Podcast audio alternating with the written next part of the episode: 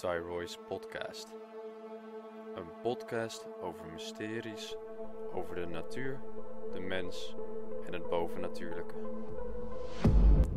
Ik neem je mee in de mysteries van moorden, verdwijningen, demonen, spoken, natuurverschijnselen en nog veel meer.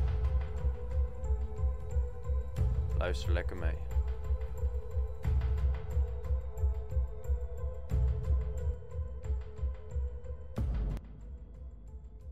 Even een andere podcast dan normaal. eh, wat jullie van me gewend zullen gaan raken en, en zijn. Eh, want deze podcast gaat over mezelf. Ik heb een keer een opdracht gehad over school, eh, of over school, van school. Ehm, over dat ik een autobiografie moet schrijven. En even in het kort, dat is een autobiografie. Een autobiografie is een, eigenlijk een biografie, maar dan door jezelf geschreven. En een biografie houdt in dat het een verhaal is over, ja, over jezelf. Dus enigszins over je jeugd, over wat er momenteel met je gaande is. Dus ehm, ik heb dus ook zo'n autobiografie moeten schrijven voor school. En eh, het leek mij wel een, eh, hele goede om die ook aan jullie te vertellen. Eh, want mijn Nederlands docent, waarvoor, de, waarvoor het de opdracht was, die, die was echt wel ontroerd en geraakt door het verhaal. En als een onervaren schrijver, ehm, zoals ik, ehm, ja, was hij wel heel erg enthousiast erover. Dus dat gaf mij ook wel een goed gevoel. En ik vind het mooi om mijn verhaal te delen met jullie. En, dit, en luister, dit is geen grap of dit is geen verzonnen verhaal. Het gaat over een biografie en dat is echt gebeurd. Dus ik neem jullie graag mee in de biografie. De biografie heet Even een slag terug in de tijd. Het begon toen ik zo'n jaar of negen was. Ik weet het nog als de dag van gisteren. We zaten rond de tafel in het bosrijk Center Parks. Het was een koude, regenachtige dag. Samen met mijn broer en mijn zus werd ons verteld dat we moesten aanluisteren wat ze te zeggen hadden. Ik zat vol spanning in mijn hoofd. Ik dacht, we gaan iets leuks doen. Een leuke activiteit, erop uit. Maar niks is wat, ik wat het lijkt. We werden al snel teleurgesteld over het verhaal dat mijn ouders uit elkaar gaan. Ik voelde een naar gevoel. Het viel stil aan de tafel. Tranen rolden over mijn wangen van mijn broer en mijn zus, terwijl mijn gevoel te vergelijken was met als je een steen in een oneindige put laat vallen. Het werd steeds zwaarder op de maag. Met een blik van ongeloof staarde ik mijn ouders aan, terwijl er ook bij mij langzaam tranen opkwamen en over mijn wang naar beneden rolden. Ik begreep het niet. Al dus, ik, ik wou het niet begrijpen. Mijn vader kwam toen met een verhaal over dat hij eh, de liefde niet meer voelde voor mijn moeder. En dat zijn gevoel een stenen muur was en eh, nog steeds steentje voor steentje werd opgebouwd waar de gevoelens niet meer doorheen konden gaan. Ik heb me die dag verschrikkelijk gevoeld. En niet een dag, de hele week. Dit is een moment waar ik een binnenvetter ben geworden en mijn gevoelens niet meer wilde delen, in de angst dat het toch weer werd beschadigd. Het was nog geen week later. Mijn ouders hadden afgesproken onderling dat wij als kinderen om de week bij papa zouden zijn en bij onze moeder. Dat ging ook goed, de eerste week. Totdat het totaal omdraaide. Mijn vader had al direct een nieuwe vriendin, wat ik zelf tot op de dag van vandaag een raar verhaal vind en heel erg veel woede bij mij oproept. Want het idee kreeg ik dat hij vreemd was gegaan, wat achteraf misschien wel bleek. Ehm, ja, dus mijn vader had al direct een nieuwe vriendin.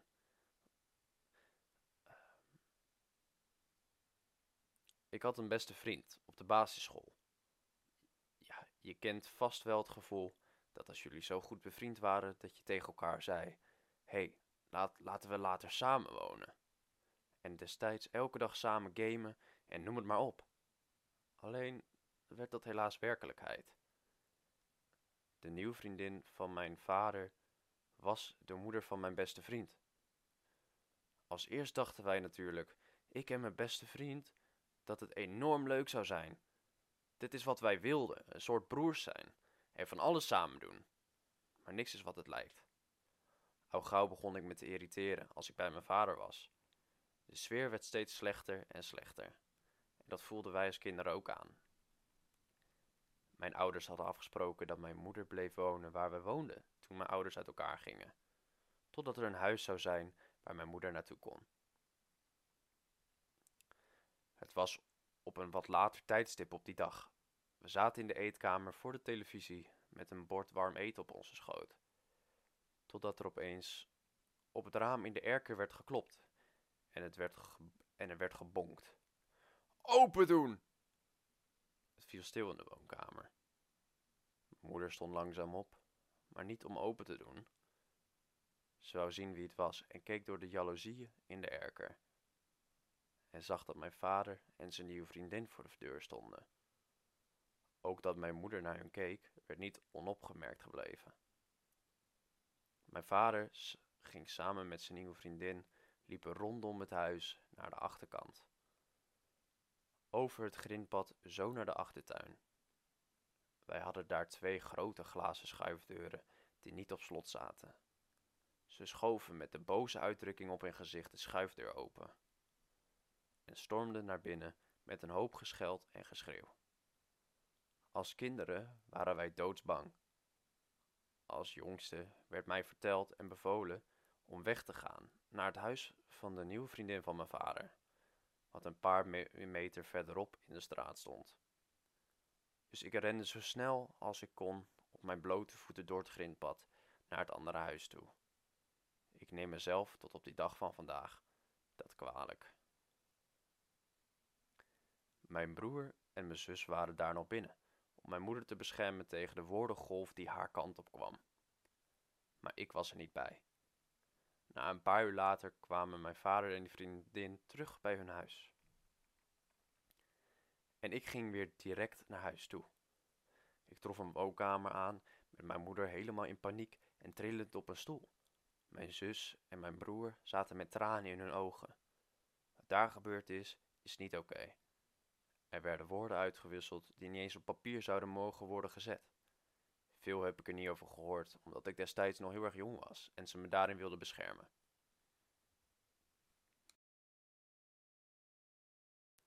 Een maand later werd er, voor een ander, werd er een ander huis gevonden voor mijn moeder. En waren wij ook verhuisd naar dat nieuwe huis. Nadat de verhuizing klaar was, was het ook alweer de week van mijn vader. Dus gingen wij met z'n drieën die kant op, op onze fietsen. Het was een normaal dagje in Nederland. Veel neerslag, grimmige wolken die zich bovenpakten boven onze stad. Wij mochten als eerst een kamer uitzoeken, want mijn vader had zich nu ingetrokken in ons oude huis. Ik koos de kamer vooraan het huis, de oude kamer van mijn zus. En ik was er destijds heel blij mee. Totdat ik hoorde dat het kind van de vriendin van mijn vader opeens bij mij op de kamer zou gaan liggen. Dat was dus mijn beste vriend destijds. Hij mocht dat, omdat hij die kamer heel graag wou. Ik werd boos en ik dacht echt niet. Ik was er nog steeds niet mee eens. En ik wou gewoon naar mijn moeder toe. Ik miste mama en ik wou gewoon weg. Wij, uh, wij zaten daar namelijk en uh, aangezien het de week van onze vader was, mochten wij gewoon niet weg of ergens anders naartoe. Wij werden eigenlijk gewoon vastgehouden tegen onze zin in, um, omdat wij niet naar onze moeder mochten, want het was de week van mijn vader. Maar wij wouden heel graag naar onze moeder. Dus ik besloot mijn tas in te pakken, stopte mijn lievelingsknuffel erin en liep stiekem de trap af naar beneden. Er werd mij gevraagd op een boze toon wat ik ging doen. Ik zei eerlijk, ik wil naar mama toe. Maar dat werd mij verboden, want het was de week van mijn vader. Dus ik liep weg en richting de bijkeuken. Dus ik liep weg richting de bijkeuken. Dat was afgeschermd van de woonkamer. Ik sprong op mijn blauwe BMX en fietste zo snel als ik kon door de achtertuin richting het grindpad. Ik werd helaas ontdekt. Ik fietste over het grindpad richting de grote weg, totdat ik opeens aan mijn tas van mijn BMX werd afgetrokken. En door het grindpad terug de achtertuin in werd gesleept. Door de vriendin van mijn vader. Sinds toen wist ik, oké, ik wil hier nooit meer terugkomen. Ik had mama gebeld in paniek op mijn slaapkamer Help, kom mij alsjeblieft ophalen. Mijn moeder wist niet hoe snel ze zou komen. Ik kreeg een tijd door en zat tot die tijd in de erker te kijken naar buiten door de grote glazen ramen. Totdat ik mijn moeder zag aanrijden. Zodra ze er was, sprintte ik naar buiten en dook gelijk in haar auto. Tranen rolden over mijn wangen omdat ik zei: Mama, ik wil bij jou wonen, ik wil niet meer naar papa toe. Destijds ben ik alleen maar bij mijn moeder geweest. En ik heb absoluut geen spijt van mijn besluit.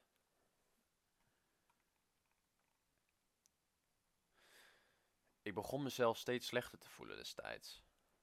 Ik werd alleen maar verdrietiger en omdat ik zo'n binnenvetter was, werd ik steeds bozer en bozer op mezelf.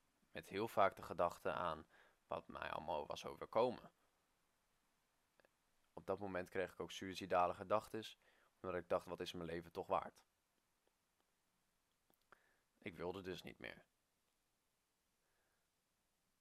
Ik begon te roken, terwijl ik ergens onder een viaduct aan de waterkant achterloos zat te staren hoe het water op de kade klotste.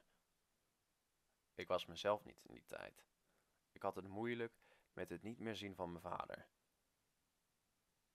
Niet op een manier dat ik hem miste, nee, voor mij was hij dood. En ik wou niks meer met hem te maken hebben. Het is een heftige uitspraak, maar ik sta er wel achter. Want zo voelde het gewoon. Hij had ons in de steek gelaten. Wij mochten het maar uitzoeken. Op een wat later moment in mijn leven kwam ik, kwam ik erachter dat ik een ziekte had. En dit stukje gaat dus, uh, gaat dus daarover. Ik had mijn diploma gehaald op de middelbare school. Puur door geluk van het coronavirus, wat enorm speelde destijds in Nederland. Anders had ik het niet gehaald. Haalde namelijk alleen maar onvoldoendes op school. Ik was totaal geen schoolkind. Maar het laatste jaar begon ik school serieus te nemen. En ik wou dat ik mijn onvoldoendes oppoetste naar voldoendes. En dat was mij gelukt. Ik slaagde en had mijn diploma. Nu was de vraag, wat wil ik erna gaan doen? Ik werkte destijds als bijbaan in de horeca. En ik dacht, als ik toch iets moest kiezen, waarom dan niet voor iets wat ik wel leuk vind? Dus koos ik voor de koksopleiding. Wat al gauw een verkeerde keuze bleek te zijn. Was geen verkeerde keuze, omdat ik uiteindelijk uh, echt niks ervan bakte. Alleen het was een verkeerde keuze omdat ik er uiteindelijk niks aan vond. Ik besloot toen te stoppen met mijn opleiding en mij in te schrijven voor een totaal tegenovergestelde opleiding. De VEVA-opleiding, Veiligheid en Vakmanschap. Ook wel in de Volksbond genoemd de vooropleiding voor Defensie. Ik voelde hem helemaal op mijn plek en was eindelijk enorm blij met wat er van me geworden was.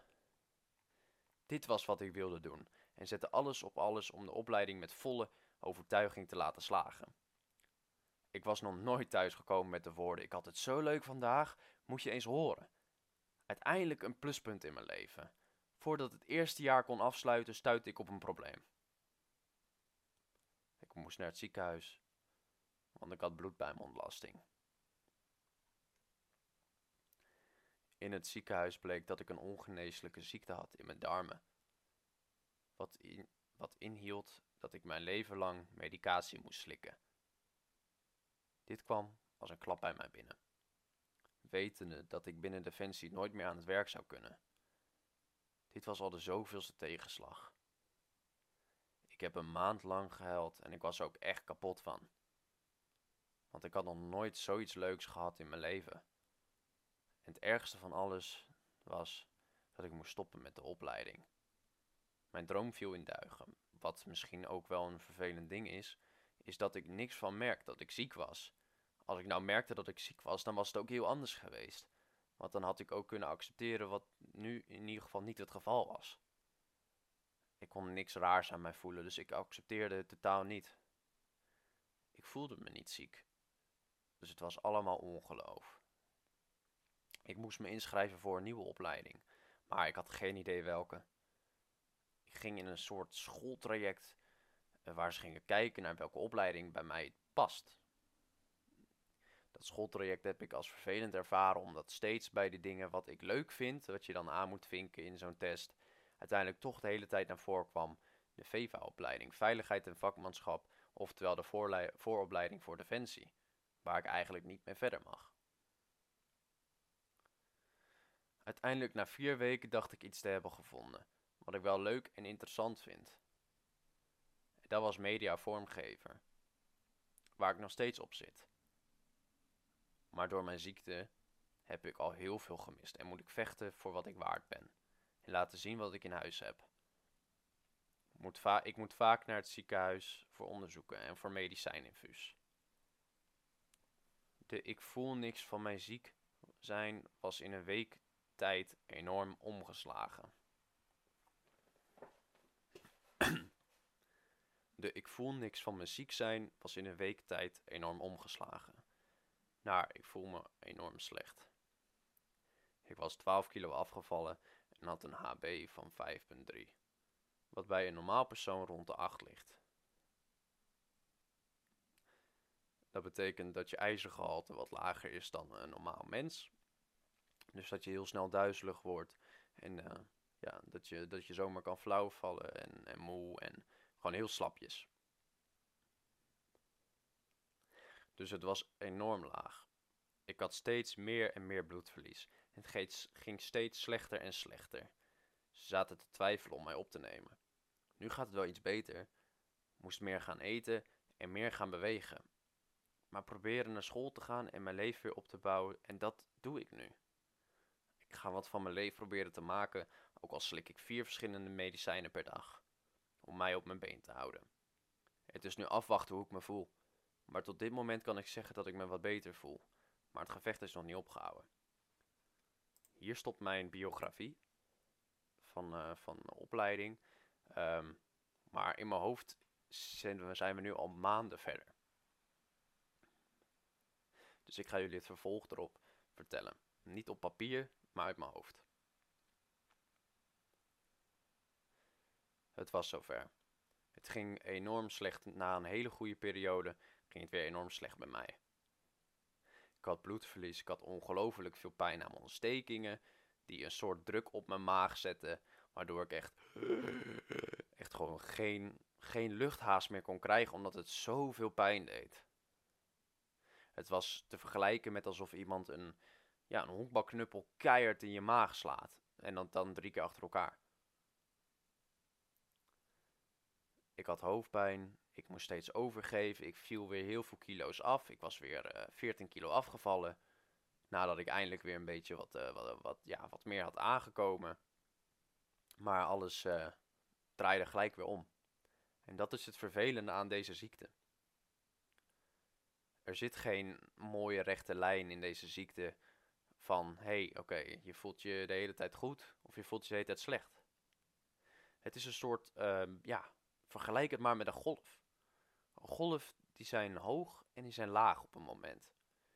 Ik heb hoogtepunten dat ik me heel goed voel, maar ik heb ook zeker laagtepunten. Of dieptepunten moet ik eigenlijk zeggen. En zo'n dieptepunt had ik op dat moment. We gingen naar het ziekenhuis omdat de pijn echt niet meer te doen was. We gingen naar de eerste spoedeisende hulp. En um, ja, daar heb ik uiteindelijk even gelegen en wat onderzoeken gehad.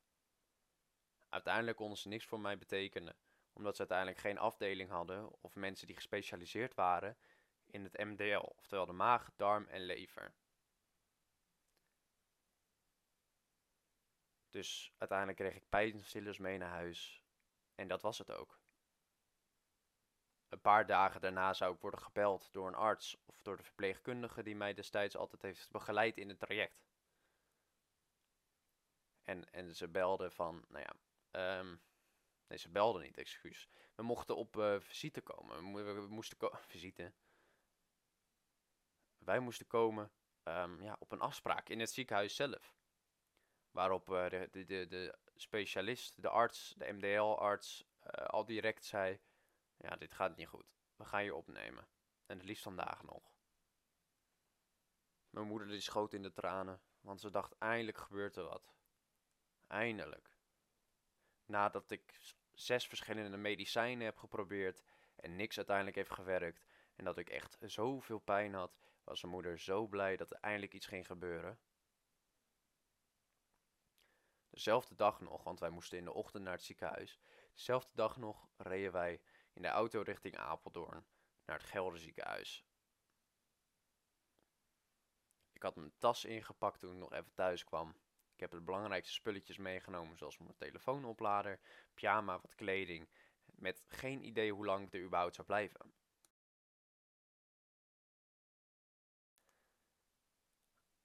Ik heb een hele prima tijd gehad in het ziekenhuis. Ik ben opgenomen geweest. Ik heb eerst heel lang op een eigen kamer gelegen na wat onderzoekjes bij de, bij de spoedeisende hulp. En toen ging ik naar een afdeling die speciaal voor mij, ja, die mij kon helpen met mijn ziekte.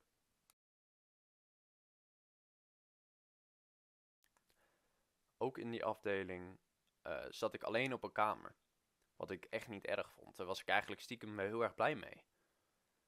Alleen, uh, ja, het was niet echt een afdeling die, die al gericht was naar de MDL of de maag-darm-lever. Uh, maar het was een, uh, een afdeling waar mensen binnenkomen en uiteindelijk uh, worden gezet naar een speciale afdeling voor de mensen. Dus een acute afdeling heet dat.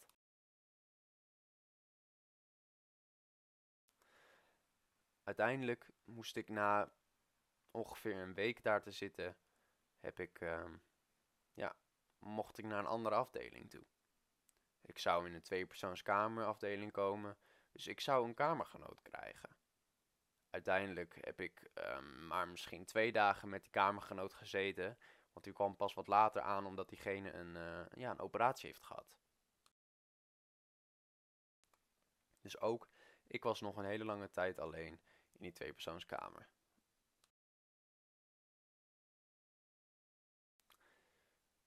Uiteindelijk was ik niet meer alleen. Na wat uh, ja, onderzoekjes te hebben gehad en medicatie, kreeg ik elke keer iemand, een uh, verpleegkundige, die uiteindelijk kwam met een soort spuit. Um, ja, omdat ik te lang stil zou zitten. Ik heb die spuit uh, destijds altijd gehad. Um, alleen één keer heb ik hem afgewezen. Omdat ik destijds wel heel veel bewoog en zelf met mijn infuuspaal um, ja, ging lopen door het ziekenhuis. Ik heb destijds inderdaad, zoals ik al zei, een infuuspaal gehad. En wat is dat nou? Nou, ik had twee infusen in allebei mijn hand. Nee, wacht, ik had twee infusen, één per hand. Dus ik voelde me net zo'n marionet. Dat is zo'n pop die aan touwtjes zit waar iemand kan bewegen. Zo voelde ik me, want ik kon letterlijk niks doen. Je kan niet lekker slapen omdat je infusen in je hand hebt. Je kan gewoon geen draai maken, want dit doet pijn. Uiteindelijk heb ik dus zo'n gigantische paal met wieltjes meegekregen, waar dan drie verschillende kastjes met medicijnen op zaten. Um, ja, om mij eigenlijk beter te maken. Ik moest heel vaak naar de wc destijds. En het verschrikkelijke is dat je in die kastjes zitten allemaal stekkers. Die moet je altijd de hele tijd lostrekken als je naar de wc wil. Dus goh, hey, als je heel erg nodig naar de wc moet, moet je eerst in één keer al die stekkers eruit trekken en dan moet je nog bijna gaan rennen ook naar de wc, die dan een paar meter verderop staat. Dat was echt een gedoe. Want die stekkers moesten er daarna gewoon weer in. Want, want ja, die dingen die, eh, die leefden op stroom, die kastjes. Ik kreeg elke dag eten, mocht ik invullen wat ik graag wilde eten. Ik heb van alles gehad. erg lekker was het niet, maar ja, ik, eh, het is geen luxe. Het is, al, het is al heel knap dat we iets krijgen bij wijze van spreken. Maar even terug op dat ik niet heel lang alleen was. Nou, dat ik ja, uiteindelijk aan het einde niet alleen was, want ik was natuurlijk heel lang alleen. Ik kreeg een kamergenoot. Het was een wat oudere man van rond de 78 en uh, dat, zijn naam was Cor. Cor dat was een oud politieagent, een motoragent en uh, die had hele mooie verhalen over, over hoe dat was gedaan. En ik had zijn familie ontmoet, zijn vrouw en zijn dochter. En het waren hele lieve mensen. Ik was eigenlijk al bang dat ik op een kamer zou komen met een, met een persoon die eigenlijk gewoon zo moker veel, of zo ongelooflijk veel pijn zou hebben. Um, waardoor ik zelf ook niet kon slapen. Wat vervelend is voor de persoon die heel veel pijn heeft, begrijp me niet verkeerd. Maar ook op zich best vervelend voor mij, al kijk ik het zelf ook met Cor was het een klein beetje het geval. Hij had heel erg diep adem en dat hoorde je ook echt s'nachts. Ik had het een beetje te doen met die man. Ik merkte al heel gauw dat Cor een heel goed hart had. Cor die had een operatie voor de dag dat ik wegging. Ik, uh, ja, dus hij had een operatie, een heftige operatie die misschien ik ook wel moet ondergaan, want hij kreeg een stoma. Ik zit momenteel aan mijn laatste medicijnmiddel om te kijken of dit werkt. En als dit niet werkt, dan moet ik helaas ook een, uh, ja, een uh, medische ingreep krijgen, oftewel een operatie. Dan krijg ik ook een stoma en dan wordt mijn dikke darm eruit gehaald. Het enige positieve wat ik daaraan kan bedenken is dat ik even weg ben van die ziekte. Want die ziekte wordt er eigenlijk uitgehaald. Alleen ik zit nu met mezelf in een tweestrijd. Of ik dat nou wil of niet. Want wat, wat mogelijk is, is dat of ik krijg een operatie als dit middel niet werkt. Of ik ga naar academisch ziekenhuis, naar een academisch ziekenhuis, om te kijken of ze daar nog mij kunnen helpen. Maar even terug naar Cor. Cor had dus een, uh, ja, een onderzoek in het ziekenhuis, een, uh, een operatie, excuus. En um, hij had zo ongelooflijk veel pijn hij terugkwam van, ja, van de operatie. Ik had het echt met Cor te doen. En ik vond het ook echt niet erg. Ik vroeg bij de, bij de verpleegkundige vroeg ik om een slaappil. Zodat ik wel gewoon rustig kon slapen. Want Cor had echt heel veel pijn. Wij hadden destijds altijd boven ons ziekenhuisbed hadden we een soort kastje hangen. Met een knop van als je daarop drukt, dan komt iemand je helpen. Want dan is er iets aan de hand. Als ik heel vaak hoorde dat Cor ongelooflijk veel pijn had en hij eigenlijk niks kon doen en toch iets wou vragen, drukte ik voor hem op die knop. Want ik had het met hem te doen. En dan kwam er een verpleegkundige en dan kon verhaal doen. Er werd mij ook heel vaak sorry gezegd door Cor. Wat ik zei, Cor, dat maakt niet uit. Want we liggen je allebei niet voor ons plezier. Je hebt pijn en dat snap ik. En dat maakt mij echt niet uit, Cor. Wat mij wel uitmaakt is dat het uiteindelijk beter met je gaat. Dat zijn de woorden die ik destijds heb gezegd tegen Cor. Voordat ik wegging, heb ik een. Uh... Nee, dat is niet waar. Toen Cor uiteindelijk onder ja, narcose ging en, en naar, naar, ja, naar de operatie, ben ik naar beneden gegaan met mijn infuuspaal. En daar had je een soort souvenirwinkeltje. In dat souvenirwinkeltje had ik een, uh, een kerstkaart gekocht. En ik had erop geschreven: Hey Cor, ik hoop dat het beter met je gaat. En um, ik hoop ja, dat je snel het ziekenhuis uit mag. En, dat, en ik wens je een, een heel ja, fijn nieuwjaar. En een gelukkig nieuwjaar. En ik hoop dat alles beter gaat. En bekijk het met een positieve lach. Zoiets stond op het kaartje. Ik weet het niet exact meer. Het was richting de tijd van 5 december. Wij mochten onze schoen zetten buiten, buiten de kamer. En ja, de volgende ochtend zat er een zak in met pepernoten. En andere lekkere dingetjes. Nu Sinterklaas was langsgekomen. Ik had mijn zakje met pepernoten bewaard, want ik had er niet zo heel veel trek in eigenlijk. Ik had uiteindelijk een mooi pakketje gemaakt voor Cor met het zakje met pepernoten en die kaart die ik had geschreven. Had hem in de kast gelegd waar hij al zijn spullen heeft en zijn kleding en ik ging uiteindelijk naar huis toe. Ik zou nu niet weten of Cor blij is geweest met de kaart of met het zakje, want ik heb niks achtergelaten van je kan me bereiken op dit nummer of iets in die richting. Dus ik hoop dat Cor het een hele, heel mooi gebaar vond. En anders vond ik het wel van mezelf een heel mooi gebaar, want ik gunde die man het beste. Ik mocht eindelijk naar huis. Eindelijk, na ongeveer bijna twee weken te hebben gelegen in het ziekenhuis. Eindelijk, gewoon naar mijn eigen bed, zonder die infusie in mijn hand kan eindelijk mijn vriendinnetje weer zien. Ik was echt even blij. Maar het meest blij was ik met die infusen uit mijn hand. Ik kon weer vrij bewegen. Ik zat niet meer vast aan zo'n stomme paal met infuus. En met andere apparaten, die ik steeds weer uit en erin moest trekken. Misschien heel slecht, maar toen ik het ziekenhuis uitkwam, gingen mijn moeder en ik gelijk naar de McDonald's. Want ik zat al de hele week te zeuren in het ziekenhuis. Oh, weet je waar ik zo zin in heb? In die vieze, slappe, zoute friet van de Mac. Oh, wat heb ik daar zin in. Gewoon vies, vet vreten. Mama zegt oké, vooruit. dus we waren naar de McDonald's geweest daarna. We gingen uiteindelijk naar huis. Ik heb die dag volgens mij heel veel thuis geslapen, want ik was echt kapot. En uh, nu zitten we het, uh, ongeveer bijna in het heden. Uiteindelijk gingen we weer naar het ziekenhuis.